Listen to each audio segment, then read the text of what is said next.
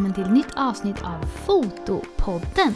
För det första så är jag så himla glad för den fina responsen jag fick på mitt engelska avsnitt med Cole Roberts. Tack alla ni som har lyssnat och lämnat feedback och och vi får se om jag i fortsättningen blandar upp det med någon engelsktalande gäst då och då. Men då vet jag ändå att ni tyckte om det.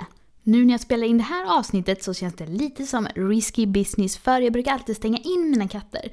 Men den ena är på äventyr under soffan eller i kattträdet eller något och min andra katt hon ligger här på skrivbordet bredvid mig. Och hon har börjat göra det när jag redigerar och ser ganska sömnig ut. Så jag tror att det här ska gå bra. Men om ni hör något som nu, då vet ni vad det är. Idag så ska vi prata om hur man kan minska sin sållningstid och redigeringstid. Det här är en sak som jag är väldigt snabb på och jag hade som ett av mina nyårslöften att jag skulle minska ner det här ännu mer. Och därför vill jag prata om det, för det jag uppfattar det som att det är väldigt många som tycker det här är väldigt svårt och tar väldigt lång tid. Och det är ju så att varje minut som du kan spara, som du lägger per kund, det är ju tid som du kan lägga på andra kunder eller på att vara ledig. Det är så himla lätt att tänka att det är bara fem minuter här, en kvart där, men det läggs ju ihop till timmar till slut. Och därför vill jag prata om det här idag, för det går verkligen att snabba på det här. En annan sak som är viktig att tänka på är ju också att din timpenning påverkas ju. Om du gör sållning på 20 minuter eller på en och en halv timme, det blir ganska stor skillnad. Och om du redigerar på ja, 30 minuter eller 3 timmar, Ja, i längden blir det ganska mycket både i pengar men också i tid som du hade kunnat lägga på något annat. Till exempel fota ännu mer kunder då, eller umgås med nära och kära och det vill man ju verkligen göra. Och till sist så är det ju faktiskt också så, ibland så är det inte bara ens ens timpenning som påverkas. Det kan också påverka ditt förstånd för man kan verkligen tröttna på att bara sitta där i all evighet och ibland vill man bara bli klar.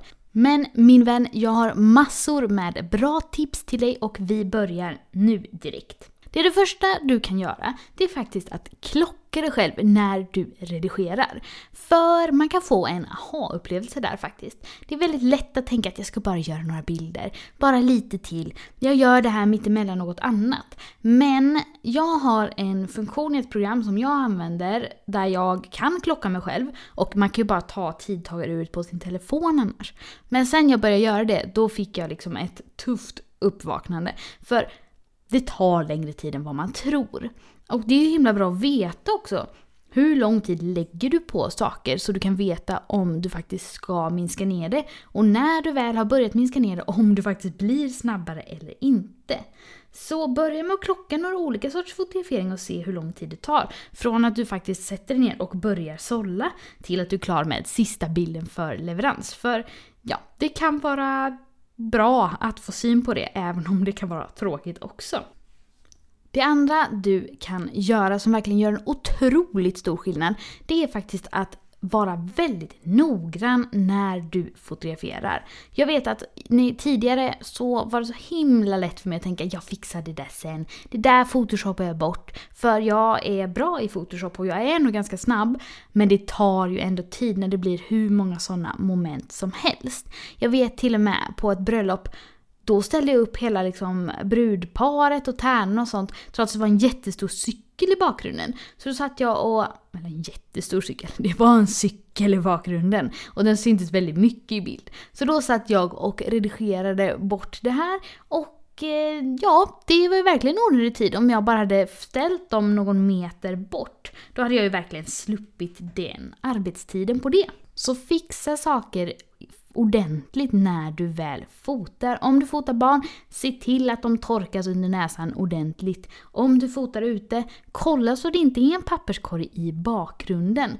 Kolla så att det inte är något godispapper som ligger slängt någonstans. Och fixa sånt du kan fixa för att undvika att sitta och redigera det sen. Jag har blivit petigare och petigare, men samtidigt, jag brukar säga det till mina kunder när jag håller på att fixa med peta in något bh-band eller be någon flytta luggen en gång till. Att det här är sånt som vi kommer sitta sen och tänka att åh, vi önskar att vi hade gjort det där. Så det är bättre att försöka få ett så bra resultat direkt och det kommer vara värt det. En annan sak som kan påverka din redigering väldigt mycket är faktiskt ljuset. Det är också så himla värt att sätta ljus direkt, för riktigt bra ljus, det ger ju faktiskt riktigt snygga bilder som kräver väldigt lite redigering. Så samma där, att vara väldigt noga när du fotar, men också titta titta ordentligt på ljuset. Det kan göra väldigt stor skillnad. Jag vet inte hur många timmar totalt jag har lagt i mitt liv på att ljusa upp bilder, mörka ner bilder, ljusa upp bakgrunden, ljusa ner någons panna lite grann, och fixa till så att helt enkelt bilden ser ut som den borde gjort från början i kameran. Det kan du också verkligen undvika.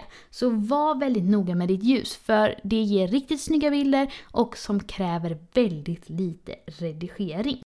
En annan sak som är superviktig, det är faktiskt att inte erbjuda kunden för stora gallerier. När jag fotar så brukar jag visa ungefär 30 bilder. Men jag vet jättemånga fotografer där ute som kanske visar 80 bilder, 100 bilder, 200 bilder. Och egentligen, det här tror jag mycket man gör bara av vana för att man är rädd att kunden inte ska hitta något som man är nöjd med av de bilderna man visar. Men det är faktiskt så att vad ska en kund göra med 200 bilder om det inte är från ett bröllop? Jag tror inte man behöver så många från en fotografering. Jag tycker faktiskt att det är vårt jobb som fotografer att kunna se vilka bilder som är allra bäst och välja ut dem till kunden. Och har du riktigt bra, då behöver du inte visa så många bilder och då kommer du inte heller behöva redigera så många bilder om kunden väljer att köpa alla eller redigera inför att visa dem i ett galleri eller på bildvisning. Så försök att ta ner dina gallerier lite för troligtvis visar du alldeles för många helt i onödan. Och kunden kommer bli minst lika nöjd om du visar några som är riktigt, riktigt bra istället med god variation. Och något som hänger ihop med det är också att du kan faktiskt fota mycket, mycket mindre. För om du fotar 800 till 1000 bilder på en vanlig familjefotografering, bebisfotografering, det är ju inte konstigt att det är svårt för dig att välja ut. Men jag tänker samma där, att man behöver inte så många uppsättningar, olika platser, olika ombyten och så för att en kund ska bli nöjd. Och ju mer du jobbar så, desto mer kommer dina kunder vänja sig vid att det är det man kan förvänta sig utav dig. Så när de kommer tillbaka kommer de vilja ha lika mycket. Så istället, prova att faktiskt fota mindre. Du kommer också bli en bättre fotograf genom att fota mindre för då kommer du också behöva vara säker på att de bilderna du har tagit är riktigt bra. Jag kan säga att jag hade nog rekord för ett tag sedan för när jag kom hem och laddade in bilderna från en nyfödd fotografering och då var det föräldrabilder, det var syskonbilder, det var enskilda porträtt på beanbag, det var i rekvisita och det var massa varianter. Jag tog 84 bilder totalt. Och sen visade jag 30 av dem. Så då var det ju 50 som var dubblett. Suddiga eller helt enkelt bara inte tillräckligt bra. Någon kanske blundade eller att det var något annat fel på dem. Men den kunden blev ju också jättenöjd. Så så länge man jobbar in att det är så här man jobbar, då kan man faktiskt fota mindre och också då få mindre att få beslutsångest kring. Utan samma där, bara kunna ta ut de allra, allra bästa bilderna och erbjuda det till sin kund. När man sen då ska gallra ut sina bilder, jag det kanske är något fel på mig, men jag har aldrig haft svårt för det. Jag tycker det går ganska fort och det går ganska lätt och jag har ingen beslutsångest kring detta överhuvudtaget nästan. För jag tycker alltid att det finns en bild som är bättre än en annan av någon anledning. Till exempel så kanske någon har lite bättre min på den andra. Eller så kanske någon ser snäppet gladare ut eller ser mer avslappnad ut. Eller så är helt enkelt den ena bilden mycket mer bättre skärpa på ögonen.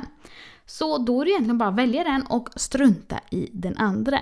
För dina kunder de kommer inte sakna de bilderna de inte har sett. Och som sagt, om de andra bara är dubbletter, då behöver de inte dem heller. Så därför så Försök vara beslutsam när du väl gallrar och gör det ordentligt. Jag tycker verkligen att man gör kunden en tjänst av att inte visa alldeles för många bilder för då blir det ju att man lägger över beslutsångesten på dem istället. Utan vi som har ett professionellt öga kan ju mycket lättare välja ut kring detta. Och jag har haft 30 bilder i mina gallerier i många, många år och det är aldrig någon som har frågat. Det har varit någon enstaka som undrat om det inte fanns någon mer när bebisen hade öppna ögon eller något sånt där. Och då har jag också förklarat att nej, men det är de här som är de bästa och de som blev. Och då har folk nöjt sig med det.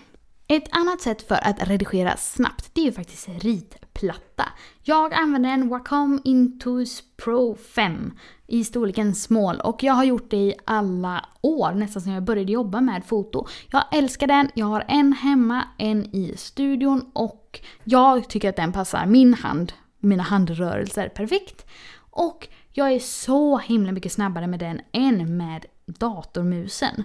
Och jag tycker verkligen det är så mycket mer ergonomiskt. Det tog ett tag att vänja sig vid den. Om jag hade skaffat en ritplatta idag, då hade jag bara gömt undan datormusen i några veckor tills man har vant sig. För det är verkligen så himla mycket snabbare. Dels att den också har touch så att jag kan använda den som Alltså att scrolla runt med den också med fingrarna, det tycker jag är väldigt smidigt. Men man blir verkligen snabb.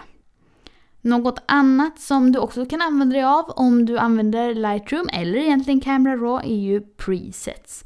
Det är ju förinställda redigeringar, antingen kan du köpa någons eller så kan du göra egna om du vet att du ofta vill ha en viss färgton eller om du ofta vill ljusa upp dina bilder eller beskära dem på något sätt. Och då klickar du på en knapp och så görs det här automatiskt. Så det får ju processen att bli väldigt mycket snabbare.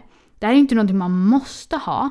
Men som sagt, om du vet att du alltid gör något då kan du ju spara dig själv som en förinställning. Och det kan också snabba upp det hela.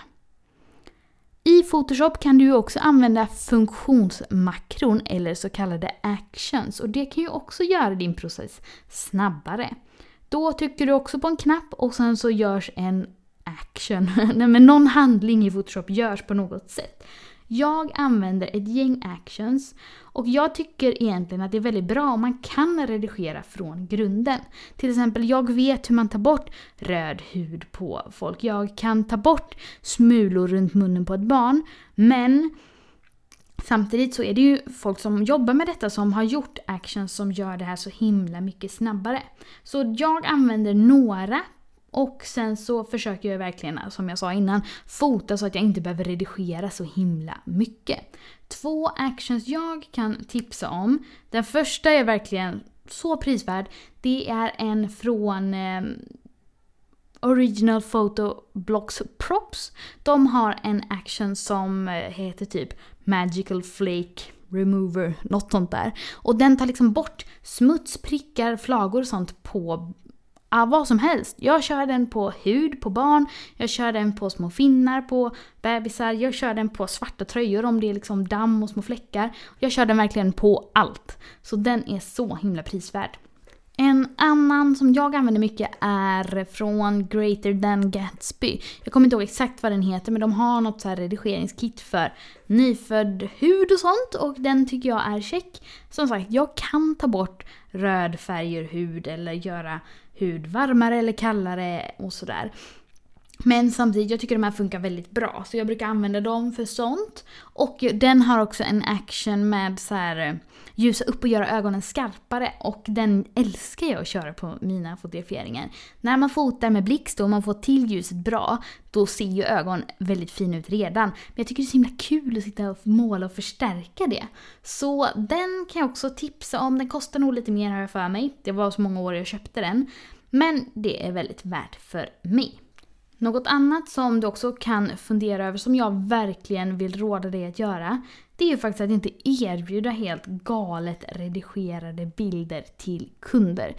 Och då menar jag typ redigera bort en hel bakgrund, eller redigera in en helt annan himmel, eller lägga till en stor solnedgång som inte finns. För jag tycker verkligen att man gör sig själv en stor otjänst. Och man, samma där, man skapar förväntningar hos sin kund. Att Finns det inte en solnedgång, då redigerar vi in en solnedgång. Och det kommer bli så himla mycket jobb för dig i framtiden. Speciellt om man sen börjar få mycket kunder och man vill ju kanske ha det om man vill tjäna bra på sitt fotoföretag. Så då kommer man snarare sitta fastklistrad vid datorn istället för att man är ute och gör det som man faktiskt vill göra, det vill säga fotar. Och sen så kan man också diskutera Finns ett värde i att fota mer så som det såg ut? Det är klart att man kan ha en konstnärlig touch på det hela, det är inte det. Men jag tror ändå att det kan vara en fördel för en att inte erbjuda kunderna väldigt redigerade bilder. Om man inte då, som Elin till exempel, Elin Slatkovic som var med i ett annat poddavsnitt som du kan lyssna på sen. Hon jobbar ju med Photoshop-montage. Men då tar ju hon ett extra stort pris för att göra en så redigerad bild. Det är ju inget som ingår i hennes normala tjänster. Så fundera över det, för jag ser det ganska mycket och jag tror ändå att man kan tjäna på att inte jobba så helt enkelt och det säger jag för att vara snäll. Något annat man kan göra är ju gamification. Man kan alltså se det som ett spel och börja tävla mot sig själv. Apropå klocka sig själv. Jag tycker det är så himla roligt. Jag skriver ofta till någon fotografkompis, ofta är det Elin Stare. Ni kan lyssna på hennes avsnitt om ni inte redan gjort det. Och hon skriver också till mig. Nu börjar nyfödd redigering av 30 bilder, nu! Och så skriver man sen när man är klar. Just för att då blir det som att man tävlar lite mot sig själv. Det blir ju inte att vi tävlar mot varandra för jag brukar inte hålla så mycket koll. Men eh, jag minns i alla fall vad jag brukar redigera på och då är det så himla roligt att se om man kan göra det snabbare och snabbare. Något annat som jag också vill tipsa om är ju såklart att lyssna på Fotopodden när du redigerar. Då kommer du ha en mycket härligare, roligare stund och det kommer kännas som att tiden går mycket, mycket snabbare med massa härliga fotografer i ditt öra. Till sist så vill jag också prata om om man älskar att redigera. Om det är ens roligaste hobby, om man älskar det mer än att fota, då betyder det ju inte att man inte kan göra det. Men frågan är om det är rimligt att man gör det till alla sina kunder. Istället kan det ju vara så att man kan tjäna mer på att man kan göra egna projekt där man verkligen så går all in med det man tycker verkligen är super, super kul. Men det man erbjuder lite mer dagligen, det kan ju vara en lite mer vanlig redigering. Eller så kan man sagt ta ett extra pris för att göra väldigt speciella redigeringar och mer foto, liksom Photoshop-konst istället. Det var det jag hade om att säga om att göra sin redigering snabbare.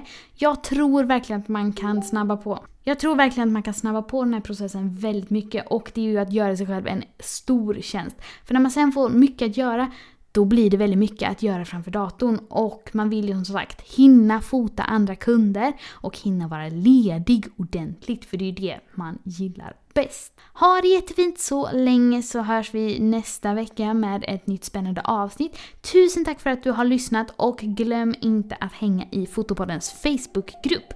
Jag heter ju fotograf Marie Ekblad på Facebook, Instagram och på min YouTube-kanal och du får jättegärna komma och hänga med mig på YouTube eller Instagram. Ha det fint, hejdå!